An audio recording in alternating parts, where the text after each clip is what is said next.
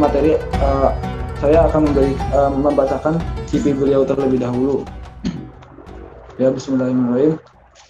Uh, nama Bakti Aditya, founder dari sahabat kebaikan.org dan komunitas pemuda ngaji.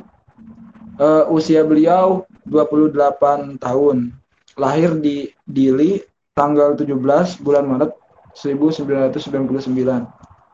Status menikah dan beliau udah punya anak satu. Latar belakang pendidikan D4 pekerjaan sosial social work di Poltek Kesos Bandung STKS eh, Bandung 2009 sampai 2013. Hmm, motivasi diri yaitu umur manusia singkat wakafkan agar kekal abadi. Nah itulah uh, cipi beliau ya.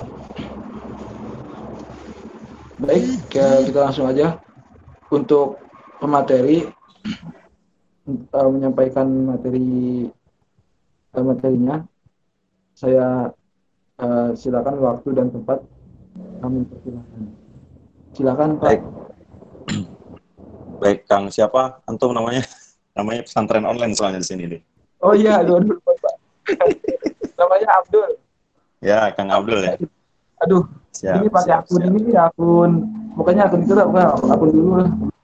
Siap, siap, siap, siap. Oke, terima kasih Kang Abdul. Bismillah, Assalamualaikum warahmatullahi wabarakatuh. Alhamdulillah wa syukrillah wa la hawla wa la quwata illa billah. Asyhadu an la ilaha illallah dahu la syarikalah wa asyhadu anna sayyidana wa maulana Muhammadan abduhu rasuluhu alladzi la nabiyya ba'da. Qala Allah Ta'ala fil Qur'anil Karim a'udzu billahi samil alim minasyaitonir rajim. Bismillahirrahmanirrahim. Inna Allah la yughayyiru ma biqaumin hatta yughayyiru ma bi anfusihim. Al-ayah. Allahumma salli ala sayyidina Muhammad wa ala alihi wa sahbihi ajma'in amma ba'd. Uh, ikhwatil teman-teman uh, jamaah kajian crispy yang diselenggarakan oleh FKDK Unsika, Alhamdulillah ya sudah ada 24 orang beserta saya sudah berkumpul. Uh, saya bersyukur pada Allah karena pada sore hari ini dipertemukan kembali dengan teman-teman FKDK ya setelah sekian lama dihubungi oleh Teh Hilmi kalau nggak salah kemarin diminta untuk mengisi kajian tentang Gazul Fikr. Uh, saya sangat apresiasi teman-teman ya di saat pandemi seperti ini eh, teman-teman masih semangat untuk hadir di majelis ilmu. Dan kita tahu bahwa uh, hadir di majelis ilmu di masa pandemi ini butuh effort ya. Jadi ya sebetulnya sama aja waktu zaman sebelum ada pandemi maupun sekarang saat ini ada pandemi itu semua butuh effort butuh sesuatu yang kita lakukan gitu ya.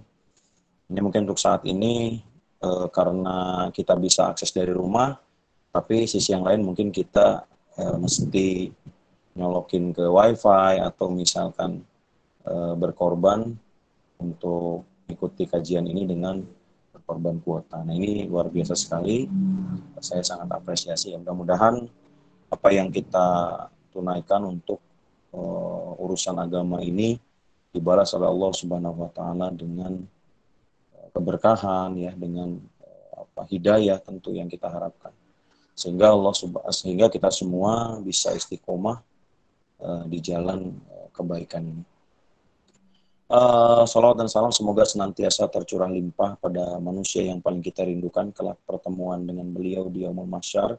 Mari kita mari kita bersolawat kepada baginda alam Nabi Habibana Muhammad sallallahu alaihi wasallam pada keluarganya, pada para sahabatnya dan kepada para pengikutnya illa yaumil kiamah. Uh, Ikhwatil kiram, teman-teman mahasiswa sekalian, tema kita pada sore hari ini uh, sebetulnya sangat tepat ya, sangat tepat sesuatu yang tidak bosan, tidak habis uh, apa kita bahas ya. Jadi tema yang sangat menarik sebetulnya apalagi di kalangan mahasiswa. Tadi Gazul Fikr itu mungkin lebih tepatnya bukan perang bukan perang pikiran tapi perang pemikiran. Kenapa pikiran dan pemikiran itu berbeda ya? karena dari frasa kata saja sudah berbeda dan memang maknanya berbeda. Kalau pikiran itu ya yang ada di kepala kita, tapi pemikiran itu sebuah paham sesuatu yang dibentuk oleh uh, akidah tertentu ya. Jadi uh, mudah-mudahan sore hari ini kita bisa diskusi, bisa sharing tentang pemikiran.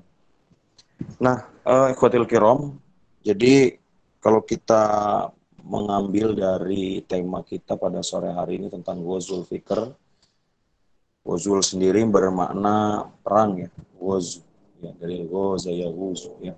Jadi peperangan itu uh, memang tidak bisa kita hindari ya dari zaman Nabi Adam manusia pertama memiliki anak putra putri mereka hingga hari ini gitu ya tidak terlepas dari peperangan. Hanya perang yang seperti apa yang kemudian saat ini kita sedang hadapi umat Islam terutama para pemuda-pemudanya yang sampai saat ini saya rasa masih menjadi sasaran empuk daripada perang pemikiran ini. Jadi kalau kita bicara perangan itu berarti kita bicara dua kubu. Dua kubu yang harus kita pahami. Dua kubu ini tidak mungkin berada di kubu yang sama atau kemudian eh, apa mereka ber bersama-sama gitu ya di sisi tertentu dan berseberangan sisi yang lain tidak. Jadi kalau yang disebut dengan peperangan itu pasti kedua belah pihak e, berbeda dari hal yang paling mendasar sampai hal-hal yang sifatnya teknis dan praktis.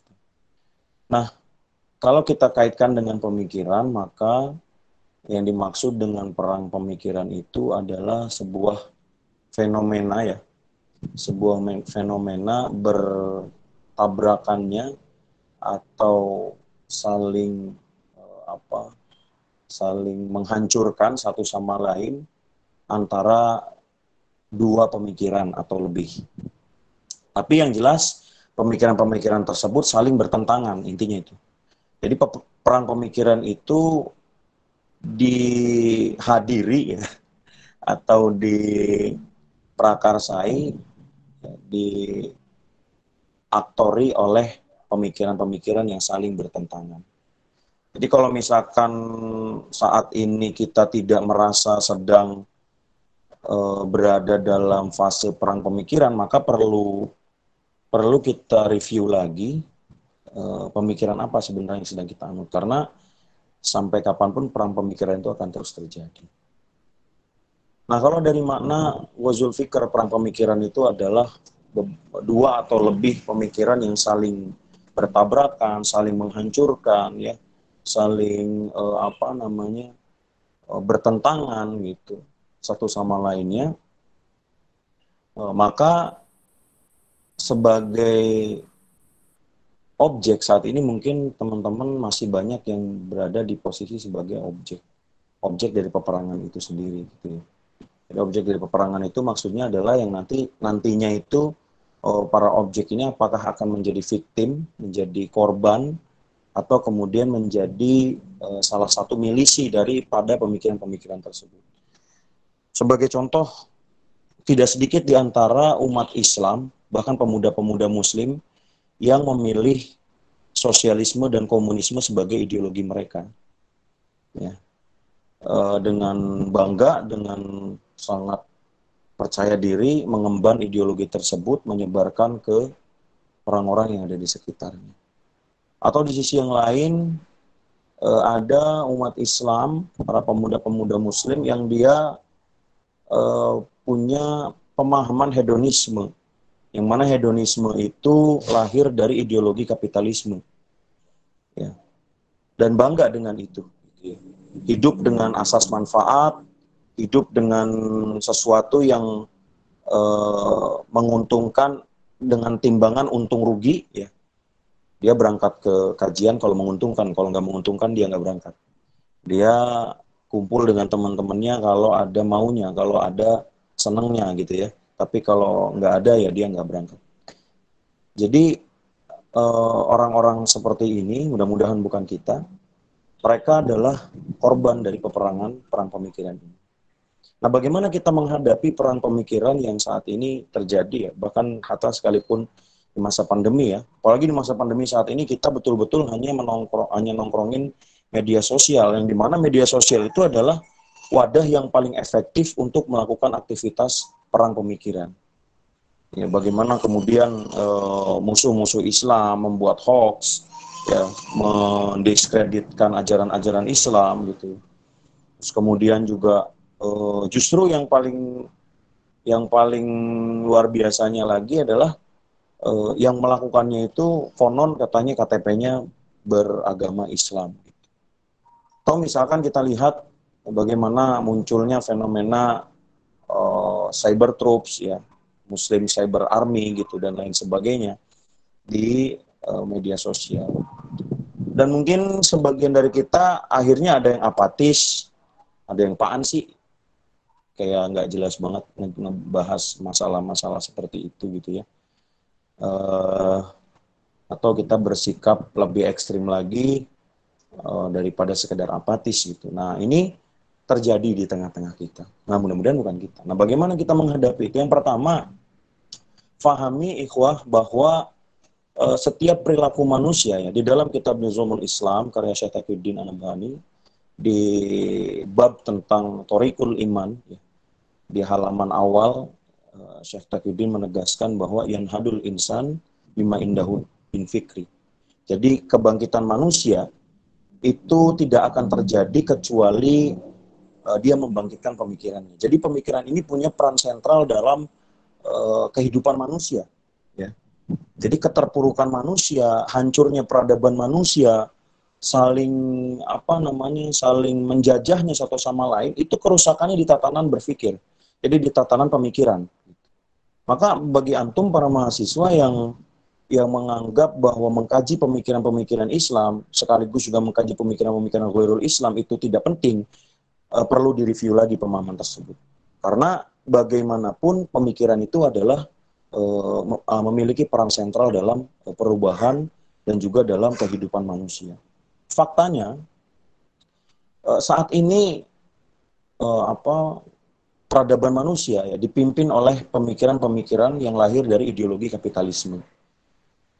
Apa yang terjadi? Ya mungkin salah satu dampaknya kemarin UKT di Unsika misalkan gitu ya.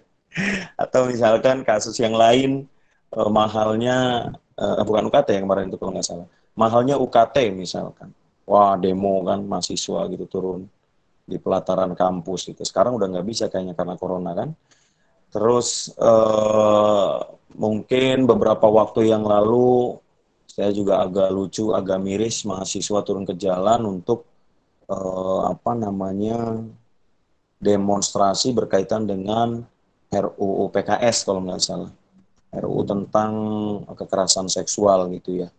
Nah, lucunya itu uh, saya bilang akhirnya mudah sekali mahasiswa itu di, di, disusupi ya, infiltrasi ya.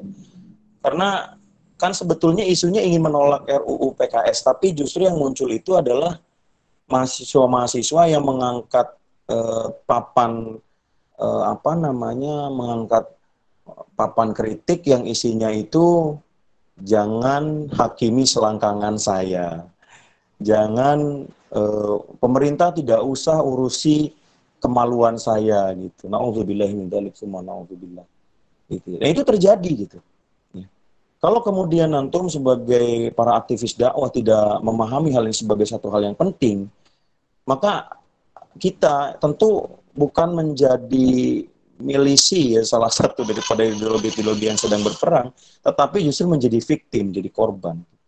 Akhirnya eh, kita tidak hanya apa namanya tidak hanya tidak hanya menjadi uh, bagian dari kerusakan itu, tetapi juga bahkan kemudian mungkin bisa jadi me, apa, mendukung pemikiran-pemikiran yang bertentangan dengan akidah Islam. Kembali lagi tadi bahwa pemikiran memiliki peran yang sentral dalam kehidupan manusia, maka tidak boleh dikatakan, tidak boleh remeh, menganggap remeh. Tidak boleh menganggap bahwa pemikiran itu sesuatu yang uh, tidak penting. yang pertama, poin yang pertama. Kenapa begitu? Balik lagi tadi uh, berkaitan dengan kehidupan manusia, kenapa pemikiran sangat penting? Jadi kehidupan manusia itu, ikhwah, masih di dalam kitab yang sama ditegaskan bahwa uh, manusia itu ya, berperilaku sebagaimana pemahamannya, mafhumnya. Nah, mafhum itu yang nantinya kemudian dibangun dari pemikiran-pemikiran. Dari isme-isme yang dia anut. Sebagai contoh misalkan ya, mungkin tadi Kang Abdul ya contohnya misalkan. Kang Abdul pasti akan berbeda menyikapi antara dua orang yang satu Kang Abdul sukai, yang satu Kang Abdul benci. Gitu ya. Nah, kebencian dan kesukaan Kang Abdul itu berdasar dari pemahaman tertentu. Ya. Nah, pemahaman ini akan mempengaruhi perilaku Kang Abdul terhadap orang yang dia sukai dan orang yang dia benci. Ini sederhana seperti itu ya.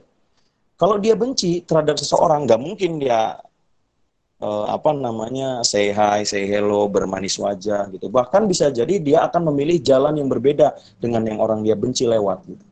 Misalkan biasanya si A yang dibenci sama Kang Abdul itu lewat di satu jalan tertentu ya. Dia tahu Kang Abdul tahu kalau si A bakal lewat situ. Ya kemungkinan besar Kang Abdul akan menghindari jalan itu. Ya, ini the power of mafhum.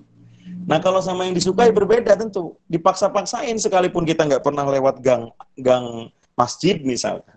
Si B itu yang dia suka itu lewat gang masjid. Wah motornya sengaja diputerin lewat situ. ya, tahu Kang Abdul ya. nah itulah pentingnya sebuah pemahaman. Kebayang kalau misalkan standar benci dan cinta kita disandarkan kepada sesuatu yang bertentangan dengan akidah Islam.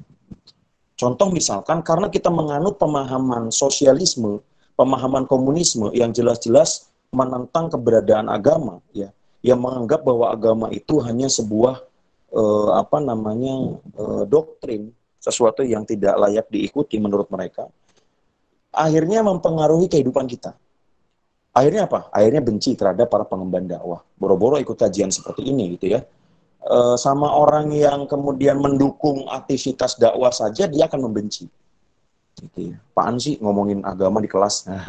Hati-hati nih ya. ya. Karena saya dulu uh, salah satu mahasiswa di kampus saya yang selalu ngomongin Islam di kelas. Gitu. Karena jurusan saya kan dulu kesos, kalau kesos itu sangat erat kaitannya dengan ajaran-ajaran ajaran-ajaran Islam di uh, level masyarakat. Wah itu ada teman-teman saya yang nggak senang sama saya itu sampai memanggil saya gitu ya. Berhadapan tiga empat mata atau nggak empat mata deh waktu itu delapan mata ya saya sendiri mereka bertiga. Apa yang mereka katakan? Dik antum gak usah ngomongin Islam di kelas ngapain gitu kan? Gak ada urusannya Islam itu di kelas. Dan saya tanya balik kamu agamanya apa? Gitu kan.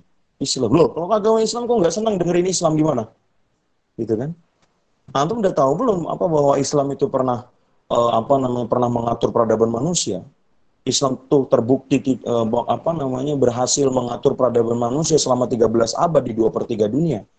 Pernah nggak? Diam mereka. Gitu. Udahlah, nggak usah berdebat sama saya. Yang penting antum jangan jangan ngomongin Islam di kelas. Gitulah. Jadi ketika kemudian kita itu sama-sama Muslim loh ya. Saya Muslim, teman-teman saya juga Muslim. Mengakunya seperti itu. Tapi karena kemudian uh, saya yakin mereka terjebak ya dalam pemahaman-pemahaman yang akhirnya memaksa dia bersikap anti terhadap ajaran Islam, muncul sikap Islamofobia, ya, takut terhadap ajaran Islam. Yang terjadi adalah mereka akhirnya membenci ajaran Islam. Nah ini makanya saya bilang ini tema ini tepat banget ya mudah-mudahan teman-teman nggak nggak merasa jengah, nggak merasa bosan bosan membahas ini. Karena kalau kita kemudian tidak menganggap pemikiran-pemikiran Islam ini penting, akhirnya isi kepala kita ini diisi dengan pemikiran-pemikiran Ghairul Islam. Nah ini bahaya. Ya. Mungkin kerudungnya lebar. Saya punya dosen kerudungnya lebar, eh, pakai rok, pakai gamis kadang-kadang gitu kan ya. Tapi beliau feminis tulen. Ya. Beliau feminis tulen. Saya sempat berdebat di kelas dan berdebat di luar kelas dengan beliau tentang pemikiran feminisme yang bertentangan dengan akidah Islam. Itu. Jawaban-jawaban beliau khas sekali dengan para uh, apa nama aktivis-aktivis feminisme. Mengerikan seorang dosen kerudungnya lebar, rokan, pakai rok, nggak pernah pakai celana beliau, pakai rok, pakai jilbab, kadang-kadang gamis seperti itu. Tapi kemudian ketika mengajar di kelas, yang beliau sampaikan adalah pemikiran-pemikiran feminisme. Ada berapa mahasiswa muslim yang akan terpengaruh terhadap pemikiran-pemikiran beliau. Ya. ya. Itulah yang terjadi gitu kan. Ya saya nggak tahu kalau di kampus Unsika seperti itu, hal-hal seperti itu terjadi atau enggak saya nggak tahu. Tapi paling tidak eh, semenjak saya pulang dari Bandung waktu itu, kemudian saya sering silaturahim juga ke FKDK, eh, sedikit banyak kemudian saya bersentuhan dengan teman-teman berhaluan kiri ya. Teman-teman berhaluan kanan gitu kan.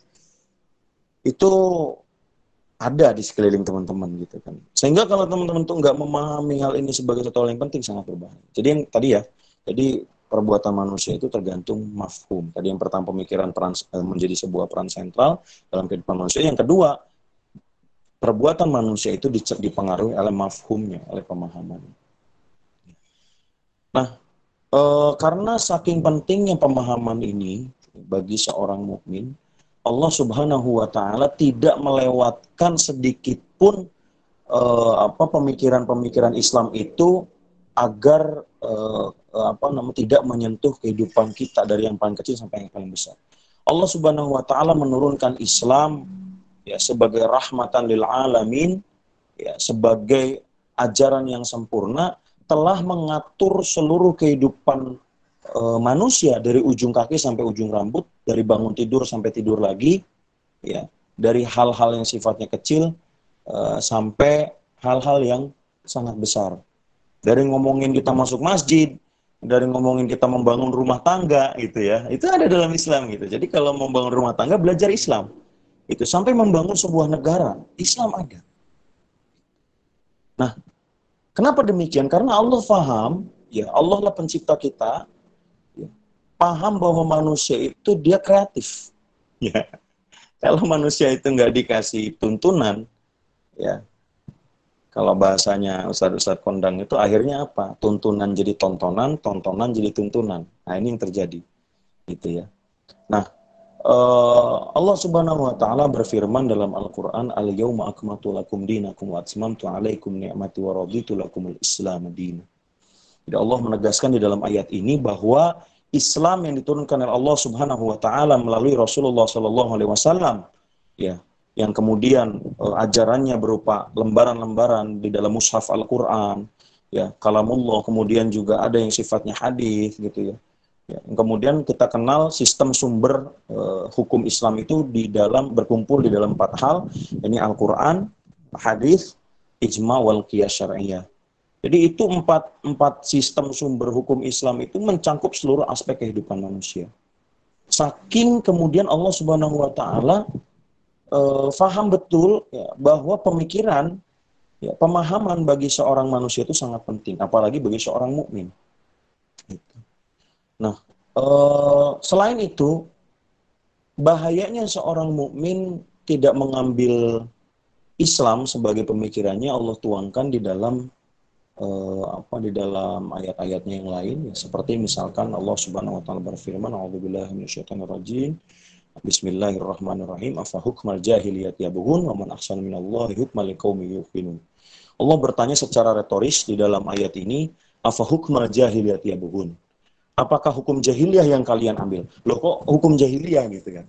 Artinya apa? Artinya dari satu pertanyaan retoris Allah Subhanahu wa taala kepada manusia itu memang faktanya di tengah-tengah manusia itu ada pemikiran-pemikiran jahiliyah. Bahkan pemikiran-pemikiran itu sampai muncul menjadi sebuah hukum. Gitu. Jadi gini, hukum itu kan produk pemikiran ya. Hukum itu produk pemikiran. Produk pemikiran, produk pemahaman. Jadi kalau misalkan sekarang ada hukum-hukum yang bertentangan dengan syariat Islam, hukum-hukum bertentangan dengan akidah Islam itu produk dari sebuah pemikiran ghairul Islam itu sudah pasti. Ya. Nah, uh, apa ya bun kata Allah. Kena, uh, apa apa kamu uh, lebih baik mengambil hukum jahiliyah? Kenapa kamu mengambil, mengambil hukum jahiliyah? Oman asal minallah hukman liqaumi yuqinun. Allah bertanya secara retoris sekali lagi, ya apakah ada yang lebih baik selain uh, apa yang datang dari Allah Subhanahu wa taala. Ya, ini berupa ajaran Islam beserta pemikiran-pemikirannya, pemahaman-pemahamannya serta hukum-hukumnya. Seperti itu. Jadi uh, di sana sebenarnya Allah Subhanahu wa taala menantang manusia yang arogan, yang congkak, yang sombong seperti kita, mudah-mudahan bukan ya. sombong gitu kan, gak mau diatur oleh syariat Islam, gak mau diatur oleh aturan-aturan Allah Subhanahu Wa Taala sebagai sang pencipta. Ditanya sama Allah, Afa hukmal jahiliyat yabuhun wa man ahsan minallah hukmal liqaumi yuqinun. Ya. So, bandingkan aja. Komparasi adil ya dengan uh, seadil-adilnya. Bandingkan antara pemikiran-pemikiran Islam dengan pemikiran-pemikiran ghairul Islam. Ya. Hukum-hukum Islam dengan hukum-hukum ghairul Islam pemahaman-pemahaman Islam dengan pemahaman-pemahaman ghairul Islam. Jangan begini, ada di antara teman-teman itu yang merasa kemudian sudah mencukupkan dirinya dengan pemikiran-pemikiran ghairul Islam, kemudian tidak mau berdiskusi. Ya, tidak mau berdiskusi, cenderung antipati, cenderung kemudian eh, apa menganggap bahwa pemikiran orang lain ini salah. Gitu. Buat teman-teman juga untuk saat ini masih ragu dengan pemikiran-pemikiran Islam, diskusi aja, nggak apa-apa. Gitu kan benar nggak sih bahwa pemikiran Islam itu adalah yang paling hak, yang paling uh, apa, yang paling layak dianut oleh manusia? Ya. Kalau nggak begitu, memang bagi kita akademisi-akademisi ya, uh, cendikiawan-cendikiawan itu memang pada akhirnya jadi merasa bahwa Islam itu irasional. Islam itu nggak bisa sesuatu yang absolut sehingga tidak bisa ditanyakan siapa bilang, gitu kan? Keabsolutan itu tentu akan kita temui setelah kita melakukan aktivitas berpikir. Jadi e, artinya apa? Ada proses-proses yang bisa Anda komparasi gitu loh.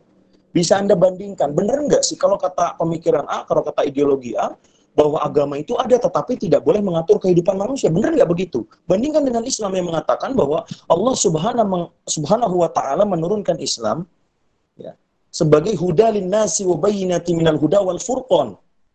Gitu. Jadi Allah Subhanahu wa taala menurunkan Islam sebagai petunjuk bagi manusia, penjelas terhadap petunjuk tersebut dan pembeda antara yang hak dan yang batil. Sebagai rahmatan lil alamin, sebagai mengatur mengatur seluruh alam semesta yang akan memancarkan rahmat bagi seluruh alam. Bener nggak nih? Mana yang benar dua pemahaman? Jangan kemudian akhirnya ya udahlah gitu kan eh, senior senior gua juga pemahamannya gitu. Jadi agama gak usah bawa-bawa ke kelas lah. Lu agama kalau mau belajar agama di di masjid itu aja masjid unsika gitu kan. Nggak usah ke kelas-kelas gitu kan. Ya itu yang terjadi akhirnya dan akhirnya yang paling parah karena para aktivis dakwah ini tidak paham tentang pentingnya kita menyampaikan pemikiran-pemikiran Islam dan pentingnya kita berkiprah dalam ghusul fikr akhirnya menyerah. Benar juga kata teman gue ya. Udah daripada ngomongin Islam di kelas gue di di apa namanya di tentang mulu udahlah gue di masjid aja sholat yang penting gue sendiri soleh Nah, kalau begitu berarti kita telah kalah dalam peperangan perang pemikiran tersebut. Berarti kita telah menjadi bagian dari orang-orang yang mengatakan bahwa Islam itu cukup di masjid. Ya, jadi orang-orang yang menganggap bahwa lebih baik menjadi soleh sendiri, lebih baik saya pakai kerudung bagus, pakai jilbab sendiri dulu, ya syukur-syukur teman yang lain ngikutin gitu. Itu kalau menurut saya pemah apa, pemahaman seperti itu tuh pemahaman para pecundang yang nggak punya pemikiran sama sekali. Padahal di dalam Islam Allah Subhanahu wa taala menegaskan marra aminkum afwan di dalam hadis rawahul muslim ya Allah Subhanahu wa taala melalui lisannya Rasulullah SAW mengatakan bahwa marra aminkum munkaran falyughayyir biyadihi fa in lam yastati fa bilisani fa in lam yastati fa wa dzalika adaful iman jadi Allah memerintahkan kita kalau kamu melihat kemungkaran kemungkaran itu bukan cuma sebuah perbuatan ya tetapi pernyataan-pernyataan yang bertentangan dengan pemikiran-pemikiran Islam itu adalah kemungkaran. Mahwal mungkar. Ya, apa itu mungkar? Al-mungkar huwa ya ma apa-apa yang kemudian uh, apa namanya uh, laisa min nabi gitu ya. Laisa min Muhammad. Bukan dari Muhammad Shallallahu alaihi wasallam. Itu mungkar. Jadi kalau ada orang yang menuduh Anda radikal karena ngomong Islam di kelas, kemudian Anda mengikuti pemikiran itu, ya Anda sama aja seperti mereka menganggap bahwa pemikiran Islam itu apa yang dibawa oleh baginda Nabi Muhammad SAW itu tidak layak diperbincangkan, tidak layak disampaikan kepada khalayak. Bahkan kemudian Anda telah menuduh syariat Islam sebagai sesuatu yang irasional, sesuatu yang tidak masuk di akal oleh para cendikiawan-cendikiawan. Apa bedanya dengan uh, apa namanya uh, sikap uh, apa para cendikiawan yang menentang gereja saat revolusi Perancis? Gitu kan? Nah kita ini bukan bukan orang-orang Nasrani yang tidak bisa menjawab pertanyaan-pertanyaan ilmiah, tidak bisa. Bahkan kemudian di dalam Al-Quran kita tahu sendiri, ya di dalam Al-Quran itu eh, Allah Subhanahu Wa Taala saya menegaskan, Zalikal kitabu la raiba Bahwa Al-Quranul Karim, Zalikal kitab, hadzal Quran, ay hadzal Quran, Al-Quran ini, ya. Apa kata Allah Subhanahu wa taala? La raiba tidak ada keraguan di dalamnya. Kalau kemudian Allah dengan sombong yang mengatakan bahwa Al-Qur'an tidak ada keraguan, buktiin aja kalau nggak kalau nggak percaya. Itu udah banyak kebuktian sampai ilmuwan-ilmuwan menegaskan bahwa Al-Qur'an adalah eh, apa namanya padoman kehidupan manusia baik eh, berkaitan dengan sunnatullah sesuatu yang sudah ditetapkan maupun hal-hal yang kemudian itu ada campur tangan manusia di dalam ya nah ini baru uh, sebagian ya sebagian dari uh, kalau saya bilang ini pengantar buat teman-teman memahami pemikiran-pemikiran Islam sehingga teman-teman uh, mampu berkiprah di dalam uh, era digital saat ini yang huzul fikr itu bukan semakin reda tetapi semakin kencang ya bagaimana kita menyikapi hoax, bagaimana kita menyikapi Islamofobia, bagaimana kita menghadapi ideologi-ideologi sosialis komunis, yaitu lebih lebih real lagi gitu kan. Itu ada di sekitar kita gitu kan terus bagaimana kita menghadapi ideologi-ideologi kapitalis gitu kan orang-orang yang hanya menyandarkan benar buruk baik salah halal haramnya kepada standar untung dan rugi kalau menguntungkan halal ya kalau merugikan haram gitu kan. Jadi kalau menurut mereka syariat Islam diterapkan di Indonesia itu merugikan mereka sehingga hukum menerapkan syariat Islam di Indonesia itu haram. Ya. Jangan sampai kemudian kita menjadi bagian daripada eh, orang-orang yang justru sebetulnya secara pemikiran mereka berada di kubu yang bertentangan dengan Islam. Mudah-mudahan kita sebagai pemuda Islam bisa berdiri di posisi yang benar, ya melakukan uh, perbuatan yang benar, menyikapi fenomena-fenomena tersebut dengan penyikapan yang benar, apalagi teman-teman adalah mahasiswa, ya kepanjangan lidah dari masyarakat masyarakat Muslim yang mungkin saat ini sangat uh, apa namanya mengharapkan kiprah teman-teman untuk meluruskan apa namanya kondisi umat Islam saat ini di Indonesia khususnya dan kondisi negara kita yang saat ini sedang karut marut. Wallahu alam bisawab itu saja mungkin untuk pengantar ya setelah ini mungkin bisa ada yang mau ditanyakan silakan saya kembalikan kepada Kang Abdul. Silakan Kang Abdul, fadl. Baik. Terima kasih Kang. Panggilnya Kang aja ya. Boleh. Alhamdulillah, wah mantep, ah, mantep nih materinya gitu, eh. Jadi membuat kita berpikir, ya Kang, hmm, perang pemikiran gitu. Terkadang gini Kang ya, eh, terkadang tuh ada eh, ada ada aja gitu rasa canggung di hati gitu Kang. Kalau di di kelas itu ngomongin Islam, ini saya tuh eh, bener enggak ya gitu ya kan ada rasa malu juga. Kadang gitu kang. Kadang ada perasaan gitu sih. Gimana kang ya kalau uh, itunya apa sih uh, nyikapinya gitu kang? Iya. Uh, nanti jangan dijauh dulu kayak itu kan oh siap. Sebut aja bahan doang. Ya, ya jadikan bahan lah itu jadi bahan pertanyaan lah satu dari saya sendiri gitu kan uh, baik. Untuk sesi selanjutnya eh, kami buka sesi tanya jawab. Ah, mangga silakan teman-teman barangkali ada yang mau bertanya gitu mengenai tema kali ini gitu. Silakan bisa uh, open mic ataupun chat.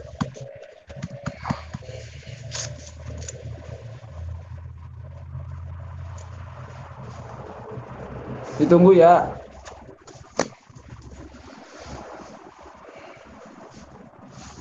Gak sambil nunggu pertanyaan aja nih. Soalnya pertanyaan tuh bagus juga itu. Yaudah, yaudah boleh boleh boleh.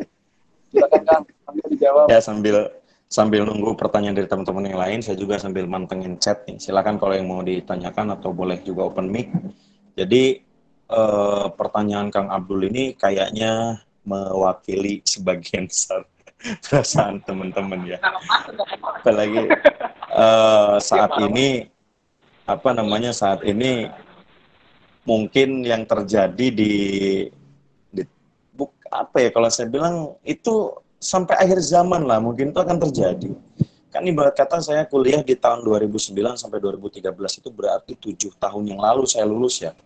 Teman-teman ini berarti di era tujuh tahun berikutnya gitu kan ternyata masih uh, masih masih persoalan yang sama gitu. Bagaimana sih supaya kita bisa percaya diri menyampaikan Islam, uh, supaya tidak gugup, tidak ragu menyampaikan Islam. Jadi gini, keraguan, kegugupan, ketidakpercayaan diri itu munculnya sekali lagi saya katakan dari pemikiran dan pemahaman kita. Ya. Saya perlu garis bawahi wajar bahwa kemudian teman-teman ragu, canggung, khawatir gitu ya menyampaikan Islam di kelas atau kemudian menyampaikan Islam pada teman-teman kita di luar masjid gitu kan.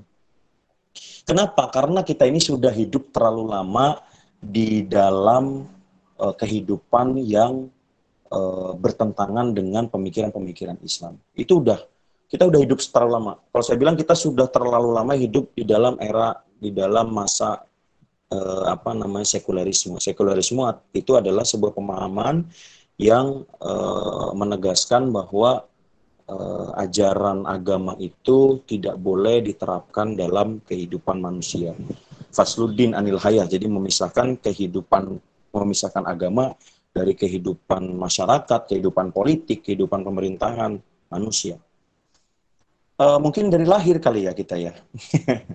dari lahir kita diazanin gitu kan terus kemudian kita mulai masuk SD, SMP, SMA sampai kuliah itu semua kita lalui dididik dibina dengan uh, pemikiran sekuler.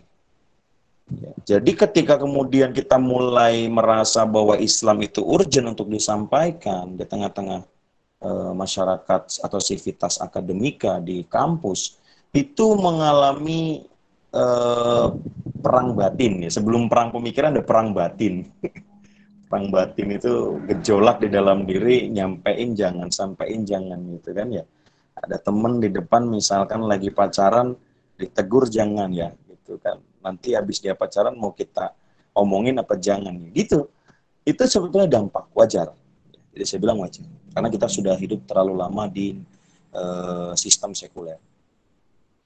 Tapi ke, kewajaran itu tidak boleh menjadi uh, sesuatu yang atau menjadi alasan kita untuk tidak me, apa ya uh, tidak menyampaikan Islam. Gitu. Tidak.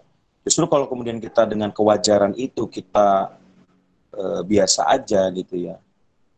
Uh, saya teringat dengan kata-katanya Cak Nun jadi hidup itu ya memang harus melawan arus. Yang namanya melawan arus ya nggak bisa kayak leha-leha gitu, harus bertenaga, harus mengeluarkan energi. Karena yang mengikuti arus itu kata beliau hanya bangkai atau eh, hanya eh, apa namanya air mengalir itu sep dan eh, seperti bangkai lah kurang lebih seperti itu saya baru. Jadi eh, kewajaran itu tidak boleh menjadi sesuatu yang mengganjal kita untuk tidak menyampaikan Islam. Nah, terus kalau kalau gitu gimana caranya? Yang pertama ya sebelum kita menyampaikan wajib bagi kita memahami apa yang akan kita sampaikan. Gitu ya. Lah orang mau menyampaikan Islam kita belum paham betul tentang apa yang ingin kita sampaikan. Ya kita pahami dulu. Sepengalaman saya di kampus itu paling banyak akan bersinggungan dengan pemahaman yang sebetulnya bisa difahami secara akliyah nantinya, secara rasional gitu. Artinya mesti nggak terlalu sulit bagi kita untuk memahami Islam di level tersebut. Seperti misalkan ketika saya eh, apa namanya eh, interupsi ya kepada dosen dosen kewarganegaraan kalau nggak salah waktu itu yang mengatakan bahwa ideologi di dunia itu hanya dua, kapitalisme dan komunisme sosialisme. Wah, sontak pada saat itu saya interupsi, saya izin menyampaikan bahwa ada satu ideologi lagi yang tidak pernah kita bahas dan kayaknya kita eh, takut membahas ini. Apa ideologi Islam saya bilang. Nah, terus dosen saya nanya, emang kenapa Anda bisa menyimpulkan bahwa Islam, Islam itu adalah ideologi? Nah, saya sampaikan tuh, gitu kan kurang lebih sekitar 30 menit saya ngoceh di depan kelas gitu kan ngomongin tentang ideologi Islam itu seperti apa gitu. Nah, apakah kemudian sebelumnya saya belum mempelajari tentang pemikiran-pemikiran Islam? Oh ya enggak gitu kan. Sebelumnya saya tahu bahwa hari itu akan dibahas tentang tentang pembahasan itu. Maka saya eh, apa pahamkan betul diri saya supaya ketika saya menyampaikan kepada teman-teman, menyampaikan kepada dosen saya itu dengan bahasa-bahasa yang baik dan rasional. Dan alhamdulillah gitu kan dengan dengan seperti itu eh, dosen saya menerima gitu kan pemahaman yang yang yang saya sampaikan tersebut. Meskipun kemudian ya you know lah ya namanya dosen dan mahasiswa itu dosen rumusnya nomor satu dosen selalu benar. Ya kan pasal dua kalau dosen salah kembali ke pasal satu gitu kan. Jadi dosen itu nggak pernah mau salah nggak pernah mau kalah ya. Dari situ kita kemudian diskusi lagi di luar kelas. Jadi eh, bagaimana kita menyikapi eh, apa kecanggungan kita ya kita harus belajar gitu. Makanya dari sekarang ini kan pemantik nih saya nih ngasih pemahaman ke teman-teman bahwa penting bagi kita memahami pemikiran-pemikiran Islam. Itu Pemahaman pemikiran-pemikiran Islam itu misalkan bagaimana kita menghadapi uh, pemahaman tentang feminisme gitu kan. Dalam Islam gimana sih feminisme itu gitu kan. Atau misalkan sekulerisme. Sebenarnya dalam Islam tuh gimana sekuler itu benar apa enggak gitu. Mulailah belajar seperti itu. Nanti juga teman-teman bakal uh, apa namanya bakal paham bahwa E, menyampaikan apa yang menjadi pemikiran-pemikiran Islam itu e, tanpa ragu lagi nantinya gitu karena kita udah paham oh iya ternyata e, pemikiran ini bertentangan dengan pemikiran Islam pemikiran ini bertentangan dengan pemikiran Islam gitu Kang Abdul ya baik baik Kang. Oh makasih eh. Udah terjawab. Ada banyak pertanyaan nih Kang di chat. Aduh ya eh ngebredel. Uh, kami batasin aja ya. Pertanyaannya cuma tiga aja ya atau iya, berapa iya, ya? Boleh, boleh. Ya, tiga aja kan tiga dulu aja tiga dulu. Hmm. ini udah tiga nih. Dari iya, Kang Muhammad iya. Rafi dari Kang Robit dari Ismail Nur Hasan. Uh, yang pertama dulu deh. Ya. Assalamualaikum Kang Bakti. Kan saya mau bertanya bahwasanya tadi dikatakan pemikiran mempunyai peran yang sentral dari kehidupan. Singkatnya, pemikiran ini harus ditunjang dengan pikiran agar tidak terjadinya kesalahan atau kecacatan. Pertanyaan saya, bagaimana sudut pandang Islam dengan kesalahan berpikir? Oh, mantul ini pertanyaannya. Ini pertanyaan tentang uh, kesalahan berpikir ya. Jadi kalau bahasa kerennya sekarang itu gagal apa sih? Bukan gagal fokus ya, gagal pikir mungkin ya. Jadi, jadi kesalahan fatal dalam berpikir itu bermula uh, dari ketidakfahaman kita terhadap komponen-komponen uh, di dalam aktivitas berpikir. Itu memang nggak nggak dia. Saya, saya kayaknya belum pernah dapat kitab tertentu membahas tentang uh, apa namanya bagaimana kita membangun pola pikir yang syar'i gitu ya. Baru ada satu kitab yang tadi saya sebutkan tentang Nizamul Islam. Jadi uh, di kitab tersebut, ini teman-teman harus paham ya. Jadi komponen berpikir itu ada empat. Pertama fakta. Fakta itu objek berarti ya, sesuatu yang yang yang menjadi uh, apa namanya objek dari berpikir kita. Seperti saya contohkan misalkan kucing, itu kan objek ya, fakta Terus yang kedua adanya panca indera. Jadi antum tidak bisa dikatakan melihat kucing kalau antum nggak melihatnya secara langsung. Antum juga nggak bisa mengatakan bahwa itu tuh yang bentuknya seperti itu tuh anjing, padahal kucing itu ya. Kalau antum nggak melihatnya secara langsung. Terus yang ketiga otak. Jadi adanya otak yang kemudian nanti dalam otak itu ada proses berpikir ya itu menjadi alat untuk mencerna dari apa yang kita lihat, apa yang kita dengar, ya, apa yang kita raba. Dan yang terpenting di antara tiga itu, di antara semua komponen itu kan tadi empat ya, adalah maklumat fabikoh atau pemahaman antum sebelumnya tentang apa yang antum lihat. Jadi kalau antum hidup di Amerika mengatakan bahwa yang bentuknya seperti itu adalah kucing, orang Amerika yang bertanya-tanya, kok kucing sih? Di sini namanya cat, ya kan? bukan kucing. Gitu. Atau misalkan uh, antum mengatakan bahwa minum bir itu haram, Tidak boleh, tidak boleh di Amerika yang di sana menganut uh, pemahaman maklumatnya itu bahwa bir itu ya boleh-boleh aja untuk menghangatkan badan katanya begitu kan. Seperti itu. Apa yang terjadi? Yang terjadi akan uh, apa clash ya, tidak sependapat, tidak sefaham. Nah, jadi uh, bagaimana sudut pandang Islam uh, tentang kesalahan berpikir tersebut? Jadi banyak di antara umat Islam itu gagal fikirnya itu bukan dia yang bukan apa yang dia lihat bukan bukan kemudian mereka nggak punya mata nggak punya otak bukan. Tetapi apa yang mereka anut maklumat apa yang mereka anut. Jadi maklumat itu adanya di memori kita ya. Adanya uh, di dalam diri kita di, di pikiran kita. Nah tadi pikiran ya dari pikiran kita. Maklumat itu bisa didapatkan dari kita melihat fakta atau kemudian kita mendapatkan berita sebelumnya. Itu.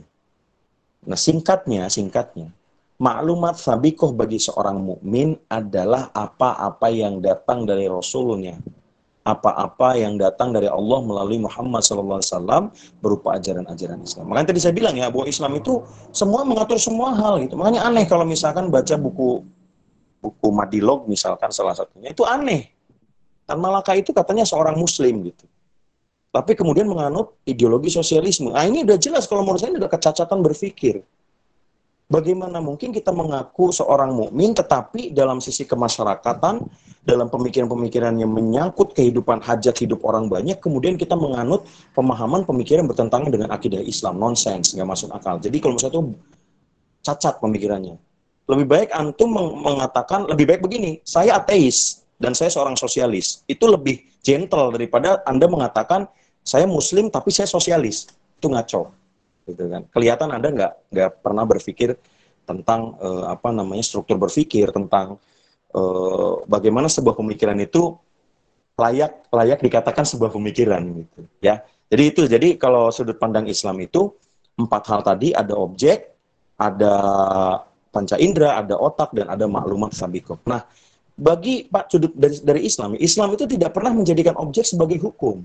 Contoh misalkan, Homer, ya, di dalam Islam haramnya Homer itu bukan karena kemudian Homer itu uh, apa tidak baik untuk kesehatan, bukan. Itu mah dari sudut pandang kesehatan ya, bukan.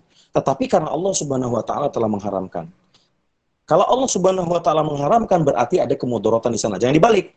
Karena kemudorotan kemudian Allah haramkan kebalik. Orang Allah yang menciptakan khomer kan, gitu kan. Allah yang paling tahu bahwa khomer itu berbahaya. Jadi maklumat dulu baru hukumi fakta. Nah, saat ini kebanyakan orang menjadikan fakta sebagai hukum. Gitu. Ya udahlah kebanyakan orang juga begitu gitu kan. Contoh misalnya masalah pacaran misalkan. Ini mah sederhana lah ya, mungkin antum semua mengalami hal ini gitu kan ah, pacaran itu baik-baik aja kok, nggak ada masalah. Itu kan semua orang juga melakukan itu. Gitu, ya. Jadi ini kecacatan berpikir gitu. Padahal kemudian Allah Subhanahu wa taala tegaskan dalam Al-Qur'an wala taqrabu zina innahu kana fahisyatan wa sabil. Allah udah tegaskan, jangan dekati zina, mendekatinya aja jangan gitu loh. Karena Allah tegaskan bahwa itu adalah sebuah sesuatu yang akan membawamu kepada kehinaan dan kehancuran.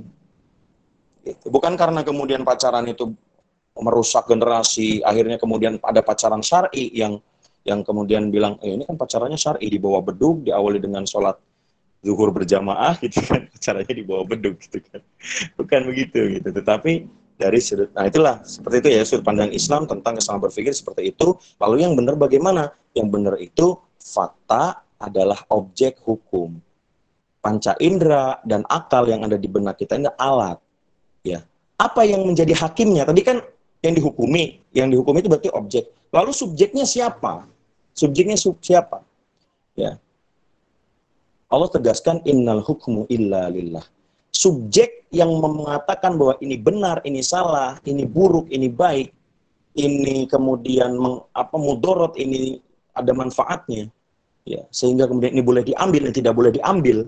Hakim ya yang memutuskan segala perkara itu adalah Allah Subhanahu wa taala. Jadi Allah Subhanahu wa taala itu melalui maklumat tadi dalam Al-Qur'an, dalam hadis dan lain sebagainya. Itu ya yang dari Muhammad Rafi mudah-mudahan tidak puas sehingga nanti bisa diskusi lagi. Baik Kang, terima kasih jawabannya.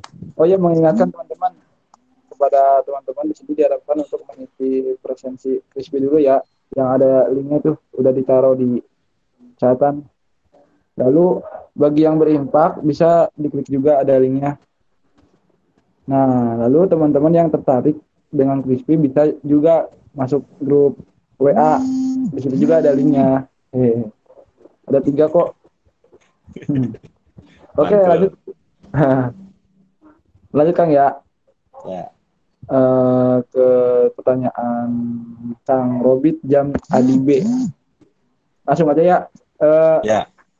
Sepa, sepengalaman Ustadz sewaktu menjadi mahasiswa, bagaimana membuat dakwah Islam menjadi besar di lingkungan kampus yang syarat akan perang pemikiran. Nah, enggak kan? Ya siap. Jadi dakwah Islam di kampus itu tidak pernah besar. Saya kasih tahu ya dakwah Islam di kampus itu tidak pernah besar. Maka saya bilang 23 orang yang hari ini hadir, termasuk saya berarti ya, 22 berarti. Itu orang-orang terpilih. Lo kenapa? Karena memang sepanjang sejarah, sepanjang sejarah, eh, boro-boro di kampus. Kita bicara, ini bicara dakwah loh ya, bukan bicara muslim yang saat ini mayoritas ya. Uh, tetapi bicara dakwah gitu. Kalau bicara dakwah dari zaman Rasulullah SAW, dakwah di Madinah itu Rasulullah dakwah di Madinah itu uh, cuma 39 orang ya pengikut Rasulullah selama 13 tahun. Bayangin kalau kita 23 itu berarti sudah setengahnya itu dari kafilahnya Rasulullah. dari kutlah kutlah dakwahnya Rasulullah di Mekah itu sudah setengahnya. Jadi bersyukurlah antum yang hari ini berada di barisan dai daiyah uh, yang mengajak manusia uh, senantiasa mengikuti jalan Allah SWT. Nah, kalau kemudian tadi pertanyaannya adalah bagaimana menjadikan dakwah Islam menjadi besar. Sebetulnya dakwah Islam menjadi besar itu kalau kita bicara kaifiyah bagaimana? Maka eh, tegas dalam Al-Qur'an laqad kana fi Rasulillahi uswatun hasanah. Bahwa sungguh eh, Rasulullah Shallallahu Alaihi Wasallam itu adalah uswah hasanah. Jadi nggak ada uswah yang paling baik ketimbang uh, daripada Rasulullah SAW tidak ada. Ya, jadi kalau misalnya bertanya bagaimana, maka jawabannya ikuti Rasulullah. Nah, bagaimana Rasulullah menjadikan Islam sebagai bahasan yang viral? kalau sekarang bahasanya viral ya. Di Mekah itu Islam itu viral, padahal yang ngebawa cuma 39 orang. Nah, di Mekah itu kan masyarakat itu bisa ribuan, ya. Bahkan puluhan ribu di Mekah itu. Tapi kenapa kemudian dengan 40 dengan 39 orang Islam bisa viral? Satu, yang harus teman-teman sampaikan, ya sampaikan Islam apa adanya, jangan ditutupi. Islam itu ya sebagaimana Islam dibawa oleh Rasulullah SAW. Jangan kemudian hanya karena kita ingin menyenangkan teman-teman kita, ya hanya karena ingin menyenangkan orang-orang yang ada di sekitar kita, kemudian kita menyampaikan Islam sebagaimana mereka inginkan. Tidak, sampaikan kalau kata almarhum Ustadz Hari Mukti itu, sampaikan apa yang harus disampaikan, bukan menyampaikan apa yang ingin didengar. Ya, itu poinnya. Nah, terus oh. yang kedua, bagaimana menjadikan Islam uh, dakwah Islam menjadi besar di lingkungan kampus? Yang kedua, uh, dakwah itu kan prinsipnya mengajak ya. Jadi kalau misalkan Anda mengaku bahwa diri Anda adalah seorang dai, seorang aktivis dakwah, kalau keseharian nggak pernah ngajak orang untuk sholat di masjid, nggak pernah ngajak orang untuk ikut kajian crispy, nggak pernah ngajak orang untuk uh, apa mengenal Islam lah, gimana dakwah Islam bisa besar di kampus gitu kan? Maka mulailah mengajak. Jadi sederhana dakwah itu mengajak. Nah kalau mengajak itu nanti masuk kaidahnya ada di uh, An-Nahl 125 ya. Ya ayyuhalladzina amanu ud'u ila sabili rabbika bil hikmah. Jadi wajib bagi seorang mukmin itu mengajak manusia kepada jalan Allah. Yang pertama bil hikmah. Ya hikmah ini Al-Qur'an wa sunnati Rasulillah. Jadi ajak mereka ya sandarannya Al-Qur'an sama sunnah gitu. Yang kedua wal mau'izatil hasanah dan dengan nasihat-nasihat yang baik ini bagus kan begini kan bikin acara crispy gitu kan. Ajak teman-teman ayo daripada bengong gitu kan daripada nonton YouTube, daripada main game. Paling enggak sisihin waktu lah. Waktu itu ngomongnya katanya nggak ada waktu. Waktu belum begini kan, ngomongnya jauh ke kampus gitu. Sekarang dakwah udah sedekat jempol kita sama layar HP, masih aja nggak mau ngaji kan gitu. ya ajakin teman-teman gitu kan Sederhananya seperti itu gitu kan.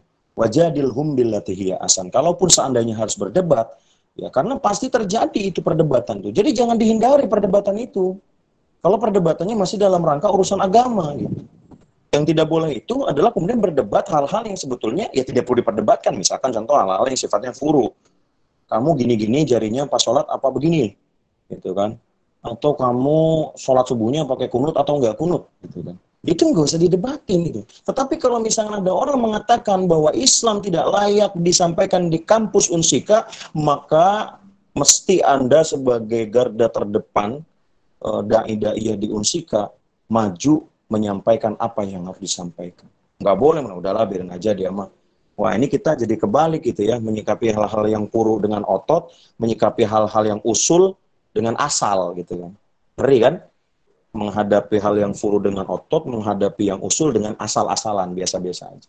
Alhamdulillah Itu yang uh, kedua. Dan yang ketiga, bagaimana agar dakwah itu besar? Jangan lupa ya bahwa keistiqomahan dan ketawakalan kita di dalam urusan ini menjadi kunci uh, besarnya dakwah di kampus. Kalau antum nggak mukhlis, nggak ikhlas menyampaikan Islam di kampus, antum hanya ingin naik daun di kampus, hanya ingin viral supaya terkenal, supaya dikenal sebagai orang yang piawai menyampaikan dalil-dalil uh, apa di dalam Al-Qur'an, pengen terkenal sebagai orang yang suaranya bagus melantunkan Al-Qur'an, naudzubillah min dzalik, Ya, nggak akan sampai itu ke telinga eh, orang-orang yang kita dakwahi itu hanya sampai pada tenggorokan kita. Ya, jadi itu mungkin Kang Abdul. Allah alam. Bukan saya, Kang. Oh, ya, Kang Robit. Siap. Yang terakhir Kang ya ini ya, Kang. Katanya lanjut. Siap, uh, lanjut, lanjut. Dan juga uh, eh udah. Langsung aja. Izin bertanya, bagaimana uh, kita menyikapi ketika teman menyebut kita terlalu fanatik terhadap Islam? Ketika kita menyebarkan agama Islam baik ketika sedang di kelas maupun di luar kelas. Terima kasih. Enggak, Kang. Ini, ini kok pertanyaannya berbobot semua nih ya sore hari ini. Saya jadi mengernyitkan dahi dan kepala saya agak panas itu karena mikir. Jadi uh, saya jadi teringat flashback gitu kan ke belakang ketika saya melakukan aktivitas dakwah di kampus. Saya tahu betul beratnya dakwah di kampus itu kayak gimana meskipun tidak lebih berat di dakwah di masyarakat. Jadi di kampus itu miniatur lah ya. Kita belajar dakwah di sana nanti di masyarakat jauh lebih berat gitu kan. Nah, bagaimana kalau misalkan teman-teman itu mengatakan bahwa kita terlalu fanatik terhadap Islam? Justru kepada Islam itu wajib fanatik. Kalau kemudian fanatik itu bermakna eh, apa namanya eh, berpegang teguh gitu ya. Jadi kekeh gitu. Mana mah kekeh lah mau mau Islam teh tong gitu kudu keke justru kalau bawa Islam harus keke harus fanatik gitu. kenapa karena persoalannya Islam itu adalah akidatun ya.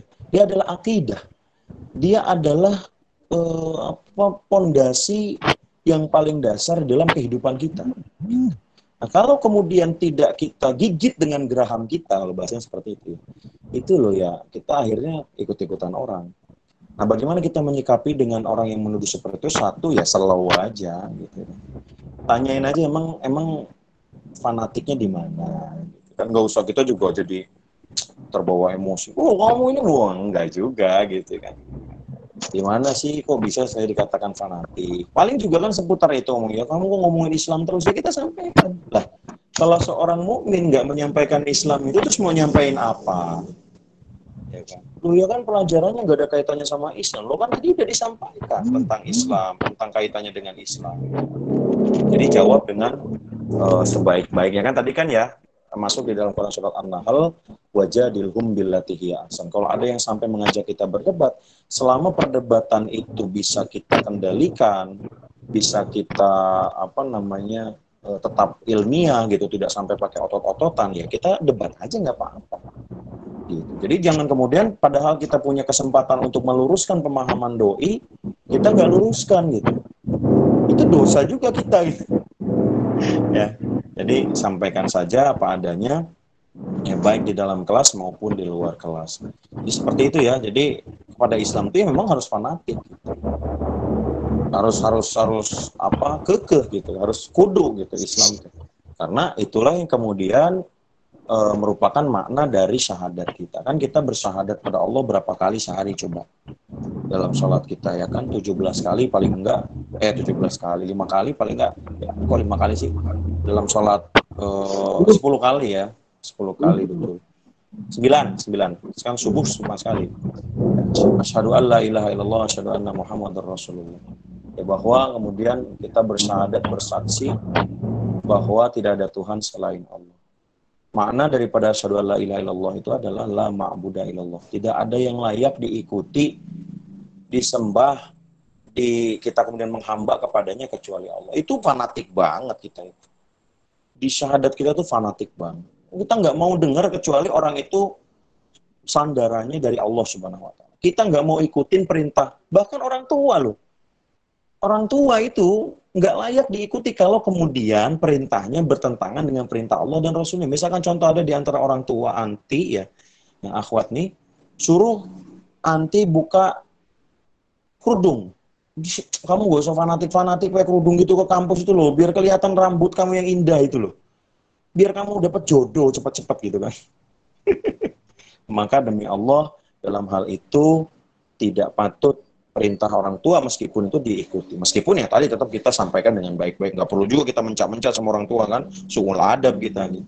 Kita sampaikan bahwa ini ajaran Islam. Menutup aurat itu adalah perintah Allah dan Rasulnya. Sementara kita bersyahadat itu ya untuk tunduk patuh pada Allah dan Rasulnya. Kalau kita bersyahadat kemudian tidak mau tunduk patuh kepada Allah dan Rasulnya, lalu buat apa kita bersyahadat? Itu aja.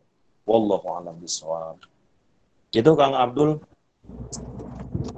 Baik Kang, terima kasih untuk jawabannya. Sekali lagi itu ya eh, diharapkan untuk mengisi presensi di Crispy ya di eh, link di chat. Bagi yang berimpak silahkan mangga uh, diklik aja linknya. Sama yang bisa juga gabung WA ada linknya juga. Uh, mungkin tak, tak terasa uh, kajian kali ini uh, hampir uh, hampir selesai waktunya akan habis itu hmm, jadi untuk sesi tanya jawab uh, kami akhiri sampai uh, sampai sekarang cuma tiga pertanyaan saja. Lalu kita lanjut ke sesi uh, doa bersama. Uh, punten Kang, doanya bisa dipimpin sama ya. Kang. Siap. Silakan, silakan. Langsung doa ya. Iya kan. Bismillahirrahmanirrahim. Uh, sebelum kita akhiri dengan doa, uh, simpulan yang saya ingin sampaikan bahwa teman-teman sebagai mahasiswa mahasiswi wajib mengenal pemikiran-pemikiran Islam sehingga kemudian teman-teman tidak terjerumus, tidak kalah di dalam perang pemikiran ini ya yang semakin hari semakin gencar, semakin hari semakin menegangkan gitu. Kalau kita tidak berperan, tidak berkiprah, maka kita akan menjadi korban atau justru menjadi milisi orang-orang yang kemudian membenci pemikiran-pemikiran Islam. Mudah-mudahan kita tidak termasuk ke dalam golongan tersebut. Kita berdoa, Alhamdulillah Bismillahirrahmanirrahim. Alhamdulillahirabbil alamin. Hamdan syakirin, hamdan na'imin, hamdan yu'afin, mu'ikafin mazidah. Ya Rabbana lakal hamdu kama yanbaghi li zalali wajhikal karim wa azim اللهم صل على حبيبنا وشافينا مولانا محمد. اللهم ربنا تقبل منا صلاتنا وصيامنا وقيامنا وركوعنا وسجودنا وقعودنا وتضرعنا وتخصنا وتعبدنا وتكفيرنا يا رب العالمين. ربنا ظلمنا أنفسنا وإن لم تغفر لنا وترحمنا لنكوننا من الخاسرين. ربنا هب لنا من أزواجنا وذريتنا قرة أعين واجعلنا تقينا إماما. اللهم انصر إخواننا المسلمين المجاهدين في الشام في العراق في فلسطين في أفغانستان في كل مكان وفي كل زمان برحمتك يا أرحم الراحمين اللهم انصر إخواننا المسلمين المجاهدين في الشام في العراق في فلسطين في كل مكان في كل زمان برحمتك يا أرحم الراحمين اللهم انصر اللهم انصرنا يا الله ربنا ظلمنا أنفسنا وإن تغفر لنا وترحمنا لنكون من الخاسرين ربنا آتنا في الدنيا حسنة في الآخرة حسنة وقنا عذاب النار Subhana rabbika rabbil izzati amma yasifun. Assalamun alal mursalin walhamdulillahi rabbil alamin. Uh, baik, terima kasih teman-teman. Rata-rata uh, berakhir sampai di sini. Uh, mari kita tutup diskusi ini dengan membaca hamdalah bersama-sama. Alhamdulillah. Sekian dari kami. Mohon maaf bila mana banyak kesalahan ataupun yang lainnya. Kami akhiri. Wassalamualaikum warahmatullahi wabarakatuh. Waalaikumsalam warahmatullahi wabarakatuh.